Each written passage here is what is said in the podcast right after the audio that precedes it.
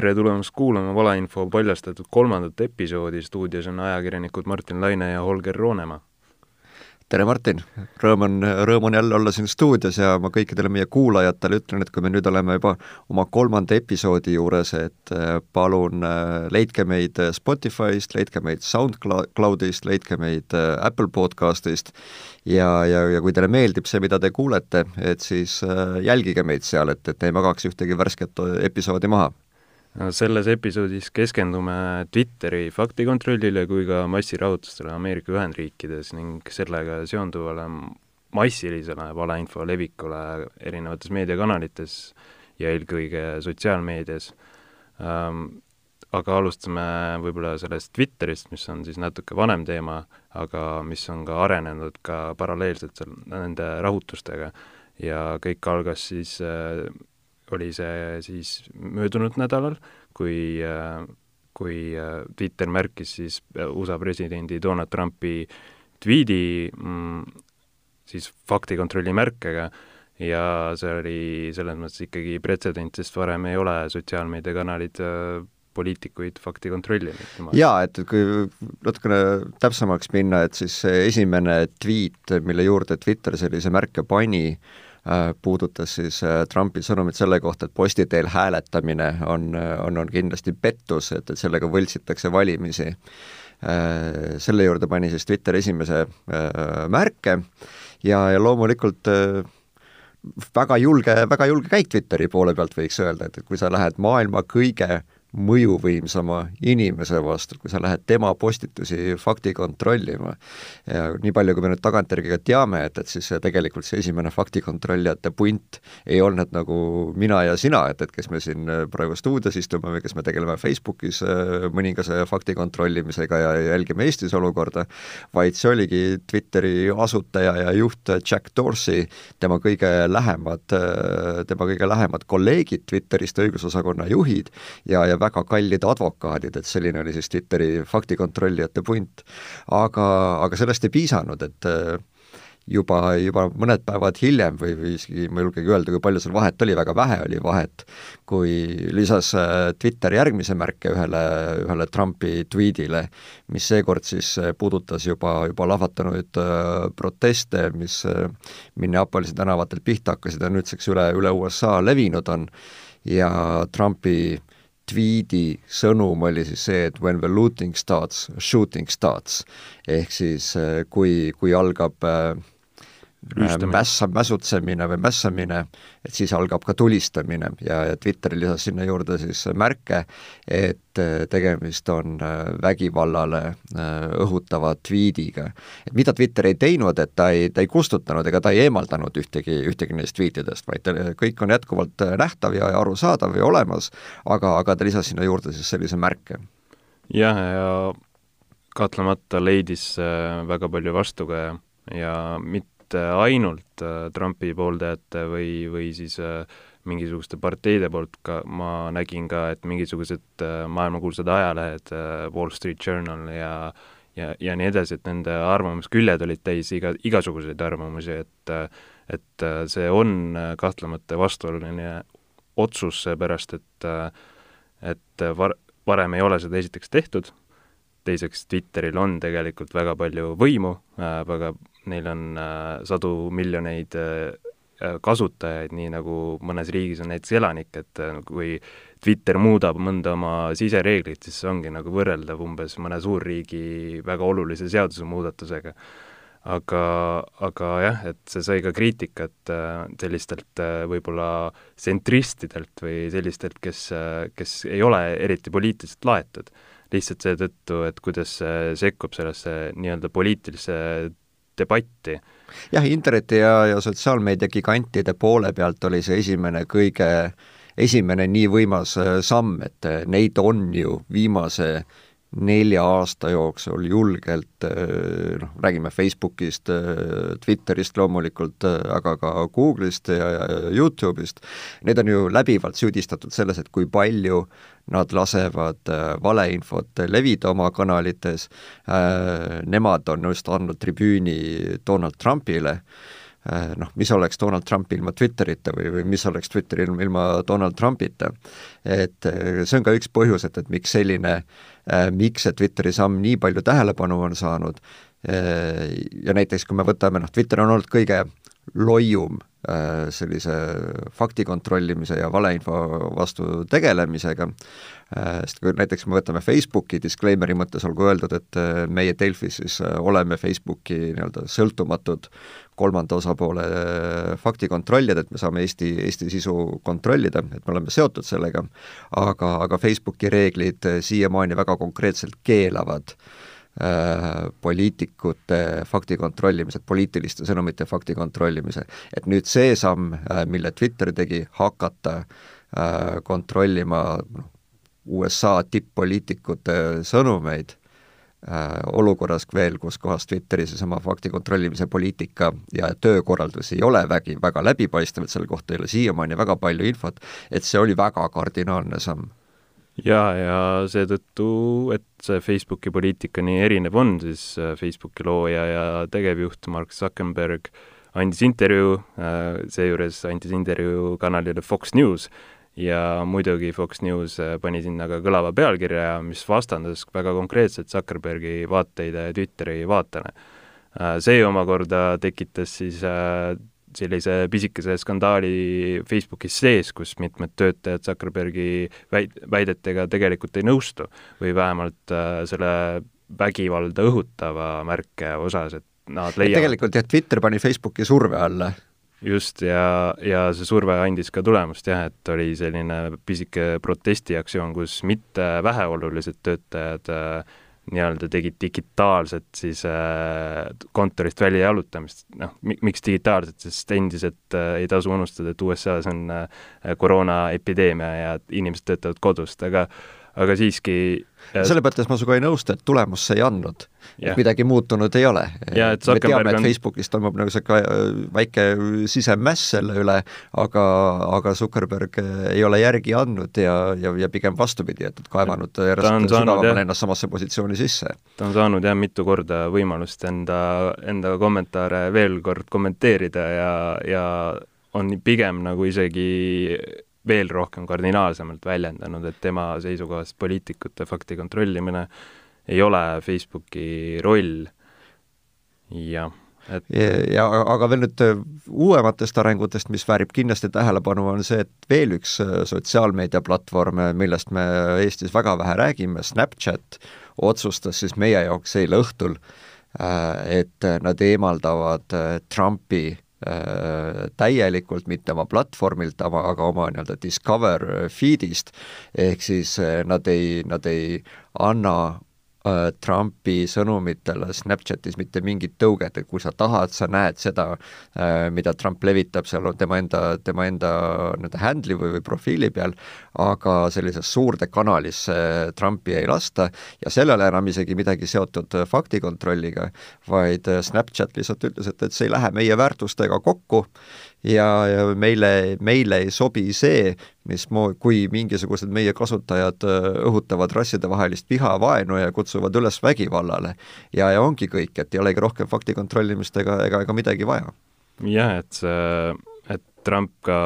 sellise presidendi määruse välja andis, kus tahtis päits- äh,, piirata siis äh, sotsiaalmeediakanalite äh, õigust niimoodi äh, fakti kontrollida, see nagu selle määruse järgi, aga ka paljude inimeste arvates muudab äh, sotsiaalmeediakanalid mitte selliseks neutraalseks pinnaks, vaid siiski nagu väljaandeks, millel on oma seisukohad ja mille, mis, mida peab ka siis järelikult hindama nende seisukohtade järgi või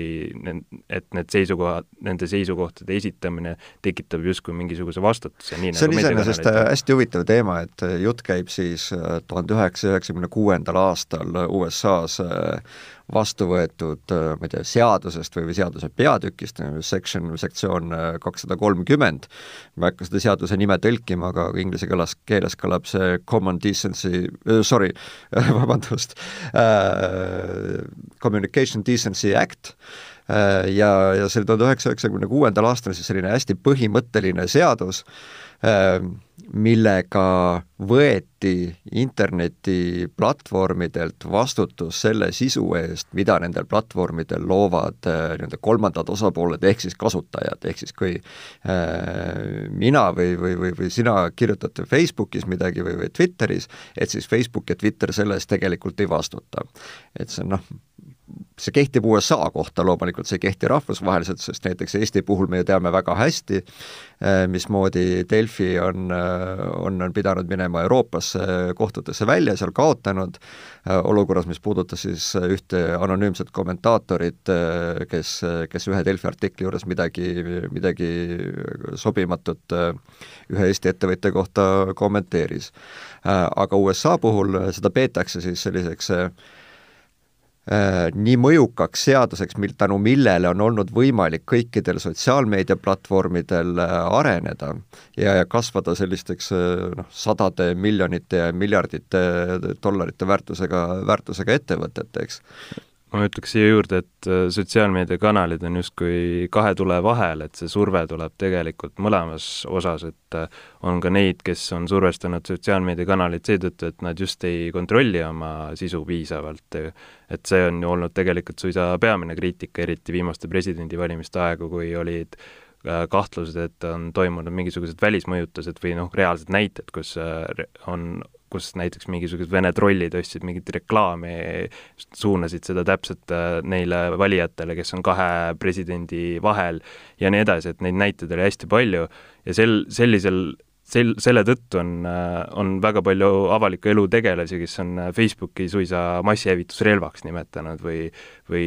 Facebooki, Facebook on pidanud andma aru erinevates, erinevate kogude ees või erinevate oluliste Äh, noh, senati ees ja, ja nii edasi, et et see surve on tegelikult olnud kogu aeg mõlemapoolne, ehk siis äh, ehk siis kui nüüd Twitter tegi selle otsuse, et hakkabki nüüd äh, sisu, sisusse aktiivselt sekkuma, siis oli ka neid, kes, äh, kes tervitasid seda. jaa, ja seda ei ole mitte ainult ühe poole pealt, vaid äh, nii-öelda poliitilisest spektrist vaadatuna mõlema poole pealt, et seesama Section kakssada kolmkümmend on on jäänud viimastel aastatel ette nii, nii osadele vabariiklastele kui, kui kindlasti ka demokraatidele. ja siin on nagu väga põhimõttelisi küsimusi, et kui siiamaani on öeldud, et needsamad internetiplatvormid ei ei vastuta kolmanda osapoole loodud sisu eest. aga kui needsamad platvormid otsustavad hakata kontrollima seda sisu ise, mida, mida need platvormid loova-, platvormidel levitatakse, on see siis seesama Facebooki faktikontroll, millega meie tegeleme, on see nüüd see, millega Twitter tegeleb või mis iganes, et siis on täiesti noh, arusaadav väide, et, et kuulge, et aga kui te ise nüüd kontrollite, seda, äh, mis äh, või, või niimoodi toimetate ja tegelete sisuliselt nagu ajakirjanduslikult lähenete sellele, sellele sisule, et siis järelikult te oletegi nii-öelda kirjastajad, et järelikult, äh, järelikult teil ei ole seda kaitsvat pügalat vaja. et siis te käite, käitutegi meediaorganisatsioonina. aga teisest poolest jällegi mis selle Section kahesaja kolmekümne puhul on, on nagu huvitav, eriti Trumpi kontekstis, on, on see, et kui juhtumisi peaks see seadus tühistatama ja, ja ettevõtetele tekib vastutus selle kolmandate osapoolte loodud sisu eest, et mis siis juhtub? siis tegelikult tähendab see seda, et nendel samadel platvormidel on veel palju suurem vastutus modereerida seda sisu, mis, mis nende platvormide peal äh, postitatakse. ja ka palju suurem õigus seda teha, see tähendab ka seda, et äh, miks mitte Twitter ütleb, et näed, Trumpi postitused lähevad meie kogukonna reeglitele vastu või, või me ei suuda, suuda tagada seda, et Trumpi postitused äh, vastavad neile reeglitele, mis on vaja ja me lihtsalt eemaldame Trumpi Twitterist, miks mitte näiteks niimoodi reageerida, kui see seadus jõustub, et kui nad on väljaanne, nad võivad veel rohkem enda sisu modereerida ja peavadki oma sisu modereerima. just, ja siin ei, ei maksa unustada, et et USA poliitika kontekstis noh, paljude lääneriikide poliitikate kontekstis on tegelikult just sellised äh, konservatiivsed ja, ja radikaalkonservatiivsed liikumised need, kes on suutnud sotsiaalmeedia võimalusi palju paremini enda kasuks ära kasutada, et need on äh,, sotsiaalmeedias on äh,, on kasvanud ja ennast üles ehitanud nagu väga paljud ülipopulaarsed sellised äärmuskonservatiivsed analüütikud ja, ja kommentaatorid, nende jälgijaskond on palju suurem, et, et see tegelikult on, on see pool poliitikast ühiskonnas suutnud sotsiaalmeedia pakutavat siiamaani palju paremini ära kasutada. jah, et Trumpil on üle kaheksakümne miljoni jälgija Twitteris et see on märkimisväärne, arvestades, et tema valijaskonna seas ilmselt Twitteri kasutajaid äh, väga noh, äh, võrreldes nagu näiteks äh, demokraatidega ilmselt on veel vähem, et, et muidugi see, teda jälgib juba seepärast, et ta on USA president, aga ikkagi see Twitter on tema kõige olulisem kanal, tema tweetid on ju kurikuulsad. Kindlasti on kritiseeritud ka Twitteri ajastust, et äh, valimisteni on neli kuud ja nüüd hakata siis ja see on, see on hästi huvitav, et, et neli aastat on, on kogu see noh, ütleme siis jutumärkides äh, jama toimunud. Ja nüüd, kui, kui valimisteni on siin alla poole aasta aega, et, et, et siis, äh, siis üks kõige olulisematest kanalitest niimoodi reageerib. Kindlasti tõuseb see järgnevate kuude jooksul nagu väga tugevaks teemaks USA-s, mis on seotud siis presidendivalimistega ja, ja nende kampaaniatega ja ma arvan, et see on hea üleminek sellele massirahutuste teemale seetõttu, et Twitter, kui ta selle märke sinna Trumpi postitusele pani, et see on vaenu õhutav, Äh, näitab, et, et, et see praegune väga, väga bipolaarne, väga selline lõhestav olukord võib seda protsessi just nagu kujundada väga tugevalt, et kuidas see Twitteris neid faktikontrolle teeb. Ja, ja on olnud siin massirahutuste ajal näiteid, kus äh, Twitter, Twitter on märkinud postitusi, mis näitavad äh, Trumpi üsna halvas valguses. et seetõttu on, on näha, et äh, vähemalt mingisugune tasakaal on olemas, et siin Twitter on märkinud postitusi, kus noh, siis teatavasti politseinik lämmatas surnuks mustanahalise mehe ja see jäi kõik kaadrisse ja noh, see, see on teada-tuntud, pärast seda vahetult siis äh, hakkasid levima Twitteris erinevad pildid, mis näitasid seda peamist süüdlast, seda politseinikku Trumpi valijana, näitasid teda tema valimisüritustel, näitasid teda tema mütsi kandmas äh, mõne, mõningate muudatustega selle mütsi sõnumites, mis tegid selle veel res-, rassistlikumaks. ja tuli välja, et need pildid ja need äh, fotod, need ei olnud isegi manipuleeritud, neil fotodel lihtsalt ei olnud äh, seda politseinikut. ja siis twit-, Twitter oli just see, kes noh, muidugi teised, Twitter kasutas äh, fakti kontrollimisel teisi meediakanaleid, kes ka seda, seda juba avastasid, et äh, selline vale sisu levib, aga Twitter märkis selle sisu äh, valeinfoks. ja Twitteril on olnud kindlasti väga, väga rasked ajad nende rahutuste ajal, sellepärast et äh, kui me arvasime, et äh, koroonaviiruse kriis on selline, selline kriis, mis toob esile valeinfo leviku ja tõi ka siis äh, see praegune olukord, kus äh, eskaleerumine või ühelt või teiselt poolt äh, on väga suur oht, on veelgi sel-, veelgi selline tundlikum valeinfo levik. Nad on, mõlemad on nad väga tundlikud, aga siin tuleb aru saada, et, et, et see baastunne, mille põhjal need kaks selle aasta kõige, kõige olulisemat sündmust maailmas äh, siiamaani äh, põhinevad, on, on erinevad, et kui koroonaepideemia või pandeemia ajal äh, see valeinfo levik sotsiaalmeediakanalites ja, ja, ja igal pool ka mujal põhines inimeste hirmul et nad ei tea, mis ees ootab, nad ei tea, mis neist saab, nad ei tea, kui, kas nad äh, jäävad terveks, kas nad, äh, kas see haigus tabab neid, kas nad jäävad töötuks, mis, mis nende lähedastega saab. Äh, nad ei tea midagi ravivõimalustest, meil ei ole vaktsiine ja nii edasi, et, et see hirm oli see, mis genereeris hirm ja teadmatus, mis genereerisid sellist valeinfot ja, ja võimendasid seda, et siis nüüd praegu Minneapolisest äh, alguse saanud äh, protestide puhul on selleks äh, tõukejõuks viha ja, ja raev. ja see viha ja raev siis konkreetselt sai sellise viimase süütepunkti või, või süütekoha George Floydi surmast või tapmisest siis ühe tegelikult isegi tänaseks on neli politseinikku süüdistuse saanud nende poolt, valgenahaliste politseinike poolt, aga, aga selle taga on siis sellised mustanahaliste sügavamad ühiskondlikud äh, probleemid äh, USA-s, mis on seotud, äh, kui näiteks ulatub tagasi siiasamma, võtame näite koroonaviirusest, et, et kus kohas mustanahaliste kogukonnad olid rohkem puudutatud neist, nende ravivõimalused olid kehvemad ja, ja nii edasi, et selline ühiskondlik ühiskondlik ängistus on nüüd kanaliseeritud sellesse vihasse. ja seetõttu on ka neid osapooli Äh, rohkem selles äh, valeinfo levimise äh, süsteemis, et esiteks on need protestijad ise, kes tahavad näidata, et politsei on jätkuvalt vägivaldne ja nii palju, kui mina olen näinud, nad ongi jätkuvalt vägivaldsed, ajakirjanikke on rünnatud, konkreetselt nuiaga löödud, need kummikuulid, ma ei tea, kas te olete neid kummikuule kunagi näinud, et need kummikuulid on umbes rusika suurused ja niisugused Äh, kivid, mille näkku saamine on väga, väga, väga ohtlik. Ja nad, on videoid, kus äh, need politseinik, politsei äh, või need kuidas öelda, need üksused, mis siis rahutusi laiali saadavad, kus nad lihtsalt tulistavad inimest näkku nendega, et et see, selles osas ei ole tegelikult nagu vaidlust otseselt, nii ühelt kui teiselt poolt on olnud nagu vägivalda, aga see meediapilt või see sotsiaalmeedia pilt, et see näitab seda vägivalda veel rohkem, kui, kui seda tegelikult on olnud, et kasutatakse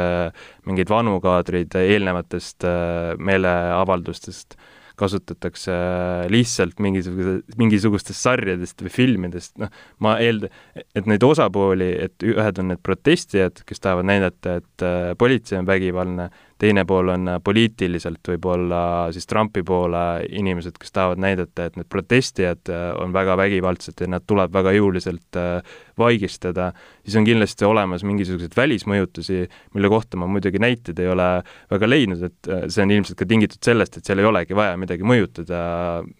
Russia Today peab lihtsalt kaamera tööle panema ja näitama, mis toimub ja selles, sellest tegelikult piisab, et et näidata seda ühiskonna lõhestatust ja kindlasti on seal veel mingisuguseid suvalisi trolle, suvalisi,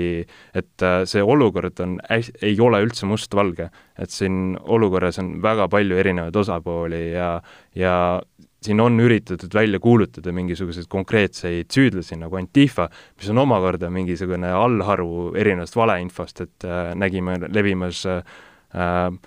lekkinud või protestijatelt maha kukkunud dokumente, mille järgitajaks on jo-, Soros ja kes Soros maksis siis protestijatele raha, et et nad eskaleeriks siis olukordi massirahutustele, et selline narratiiv levis ja, ja see oli nagu Antifa narratiiv, et see on nagu Antifa korraldatud selline ja Sorosega kaastöös korraldatud asi, tegelikult pärineb see vandenõu juba kuskilt kaks tuhat viisteist aastast. Äh, Ameerikas on selline vandenõusari nagu QAnon või Canon või kuidas öelda, et see on siis see, see nii-öelda süvariigi vandenõu, mis mingil määral on ka Eestis levinud, aga see on nagu natuke äärmuslikum, et ja see on nagu justkui mingisugune subkultuur juba, et äh, inimesed, kes nimetavad ennast anoniteks, levitavadki mingisugust äh, valeinfot ja üks Twitteri ajakirjanik kaardistas ära, et nende kanoniga seotud postituste arv selle massirahutuste ajal kasvas nagu kümnete-kümnete tuhandete võrra. Ja need postitused kõik mainisid siis äh, seda Antifat, ehk siis äh, see hetk, kus äh, Trump tweetis või kuulutas, et Antifa tuleks nimetada terroriorganisatsiooniks, see nagu siis andis jälle mõnusa kondi selliste pahatahtlike inimeste hambusse, kes tahtsid näidata, et see Antifa on tõesti suur ja kuri organisatsioon ja ülivõimas organisatsioon, kes suudab korraldada mässud kõikides äh, USA osa, osariikides, et ma arvan, et see reaalsus tegelikult on see, et see Antifa äh, ennast Antifa mingisuguste märkidega ja ehtivad inimesed tõesti ka eskaleerivad ko-, kohati olu-, olukordi, aga neid esk-, eskaleerijaid on palju rohkem ja need ei pruugi olla üldse organiseeritud, need võivad olla ka mingid suvalised pätid, kes hakkavad mingeid kive loopima ja need, noh, selle kohta on üritatud juba teha mingeid analüüse ja neid tõesti, neid erinevaid pahatahtlikke osapooli selles äh, mässus on väga palju ja seetõttu on ka see meediapilt väga segane jah, nüüd ma suudaks ka kaardistada nagu laias laastus neli erinevat suunda, kuidas selline kõige arusaadavam valeinfo praegu USA rahutustega seoses levib, et, et esimesed on jah, nagu sa ütlesid ka need, et mis võimendavad politsei vägivalda, et jah, politsei vägivald on, et selle raske on väga rast-, vastu on väga raske võimendada, väga vastu vaielda, aga me seda võimendamist näeme siis olukordades, kus näidatakse vanu fotosid, et näed, politsei surus neljateistaastase poisi maha, sest et ta, sest et ta läks protesteerima või, või mis iganes, et, et tegelikult äh, ei ole juhtunud, ei ole olnud, on hoopis mingi täiesti teine iseseisev, eraldiseisev intsident mitme aasta tagant. Äh, siis on sellised iga sellise suure skandaali või, või, või õnnetuse või mille juures tekib ka ma ei tea, nii-öelda glory hunter moodi põhimõttel, põhimõttel valeinfo levitajaid, et eh, millegipärast inimestele, inimesed arvavad, et nad saavad kuulsust või nad saavad nagu kogeda seda, et, et oh, kuidas minu sotsiaalmeedia postitused levivad, kui nad, kui nad siis panevad üles mingeid täiesti valesid postitusi no näiteks äh, noh, kõige levinum on see, et äh, minu vend on kadunud ja siis pannakse seal pilt kellestki, kes on täiesti suvaline inimene. ja siis, kui, kui ajakirjanikud või faktikontrollijad küsivad, et kuule, et, et kas see on päriselt nii või, või miks sa seda tegid, siis aa ei, et vabandust, et ma lihtsalt tahtsin nalja teha. aga, aga selliseid postitusi levib iga sellise skandaali juures, juures väga palju ja siis kindlasti on sellise tapja kohta, et kui me räägime ükskõik Las Vegase tulistamisest mõned aastad tagasi või praegusel juhul siis äh, George Floydi tapjast Derek Chauvinist, et äh, tema kohta äh, valeinfo, info levitamine, et kellega ta lävis, milline oli tema elustiil, kui suur, ma ei tea, Trumpi fänn ta oli või ei olnud, seda levib väga palju. ka ohvri kohta, et ja sama palju ka ohvri kohta, täpselt. ja, ja siis neljandaks kindlasti nagu otseselt poliitiline valeinfo. näiteks antud hetkel on väga palju valeinfot Donald Trumpi kohta, et üks Mark markantsemaid äh, asju,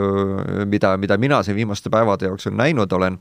on see, et, et see, kuidas Photoshop iti Adolf Hitleri fotot, et kui Trump oli ühe foto peal Valge Maja ees, kus kohas tal oli käes piibel, hoidis seda parema käega nii-öelda kõrgel üleval, et siis täpselt samasuguses poosis Photoshop iti see, see piibel ühele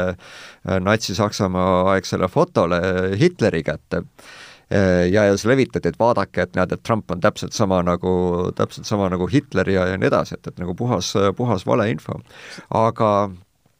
äh, mis selle nagu jutu kokkuvõte on, on see, et sotsiaalmeediast on kindlasti väga palju abi selliste kriiside jälgimisel, aga seda tuleb võtta nagu väga äh, väga tiheda sõelaga nagu lasta sealt äh,, lasta kogu see infovoog sealt läbi. et noh, kui mina annaks mingeid soovitusi, et, et siis äh, kuskohast äh, jälgida, et, et millist valeinfot näiteks levitatakse või, või mis on need trendid ja kuidas need lähevad, siis ma kindlasti soovitan jälgida meediakanalitest äh, BuzzFeed Newsi. et seal töötavad äh, mitu väga tugevat ajakirjanikku, äh, just eriti valeinfoalast nagu täielikku maailma tippeksperti, et, et ka praeguse selle kriisi ajal on Jane Litvinenko ja Craig Silverman peavad sellist peaaegu reaalajas tabelit ja ülevaadet koos videote, tweetide, fotodega, näidistest, et mida nad üles korjavad. Ja Craig Silverman on, on see mees, kes on äh, fraasi fake news äh, autor äh, umbes neli-viis aastat tagasi, et, et see on üks äh, tema mitte leiutisega, aga tema nagu välja pakutud termin, mida ta kahetseb äh, hingepõhjani, et, et kuna väga kiiresti see fake news sai hoopis äh, täiesti vale tähenduse endale külge. et ma kindlasti soovitaksin BuzzFeedi jälgida, aga, aga siin on ka muid kanaleid, nagu näiteks Snopes ja, ja Martin, sa kindlasti oskad mõnda veel soovitada. Belling, Bellingcat kindlasti või noh, Bellingcati ajakirjanikud, et äh, kes on ka sellise avalike kanalite kasutamise eksperdid selles osas, et välja selgitada, mis on tõde mis mulle on veel silma paistnud, on see, et äh, ma ei jälgi Twitteris, ma küll olen aktiivne Twitteri kasutaja, aga ma ei jälgi seal väga palju kanaleid, mis äh, tooksid minuni USA nii-öelda kät-, katked või USA elust, aga, aga kuna minu äh, jälgijaskonna seas noh, sellel kriisimomendil on väga palju inimesi, kes neid uh, uudiseid levivad, siis uh, just seesama BuzzFeedi uh, valeinfo kogumik, et et ma võiksin sealt nimetada umbes kümmet, mida mina olen enda seinal näinud äh, valeinfot. ehk siis äh, see näitab, millise ulatusega see valeinfo praegu on, kui mina siin kaugel Eestis oma, ma jälgin paarisadat kanalit umbes ja mina näen nagu kümmet näidet. jah, kõik need näidised, mida me ka siin praegu mainisime, et kahjuks podcastis ei ole võimalik neid ette näidata, aga on need siis, ma ei tea, keegi on kadunud või, või, või kuskil põleb mingi McDonalds, mis tegelikult on põlenud viis aastat tagasi või, või kuskil linn põleb, kui tegemist on mingi plahvatusega hoopis ühes Hiina linnas ja nii edasi, et kõik nad hakkavad me-, metsikul kiirusel levima, et neil, nende share'ide ja retweetide arv läheb selliste tuhandete peale minutitega. ja, ja see on hea peaproov olnud siis selle, kuidas sotsiaalmeedia saab hakkama selle äh, valeinfo levikuga äh,. kui see olukord eskaleeruks veel, siis oleks olukord ilmselt ka sotsiaalmeedias veel hullem ja see ilmselt paneb ka sotsiaalmeediakanalid mõtlema veelgi, kuidas enda jah, järjest suurema surve alla jah, et ja see toob kaks teemat ilusti kokku ja sellega on ilmselt ka hea lõpetada. aitäh kuulamast ja jälgige meid Spotify's, SoundCloudis ja igal pool mujal. thank you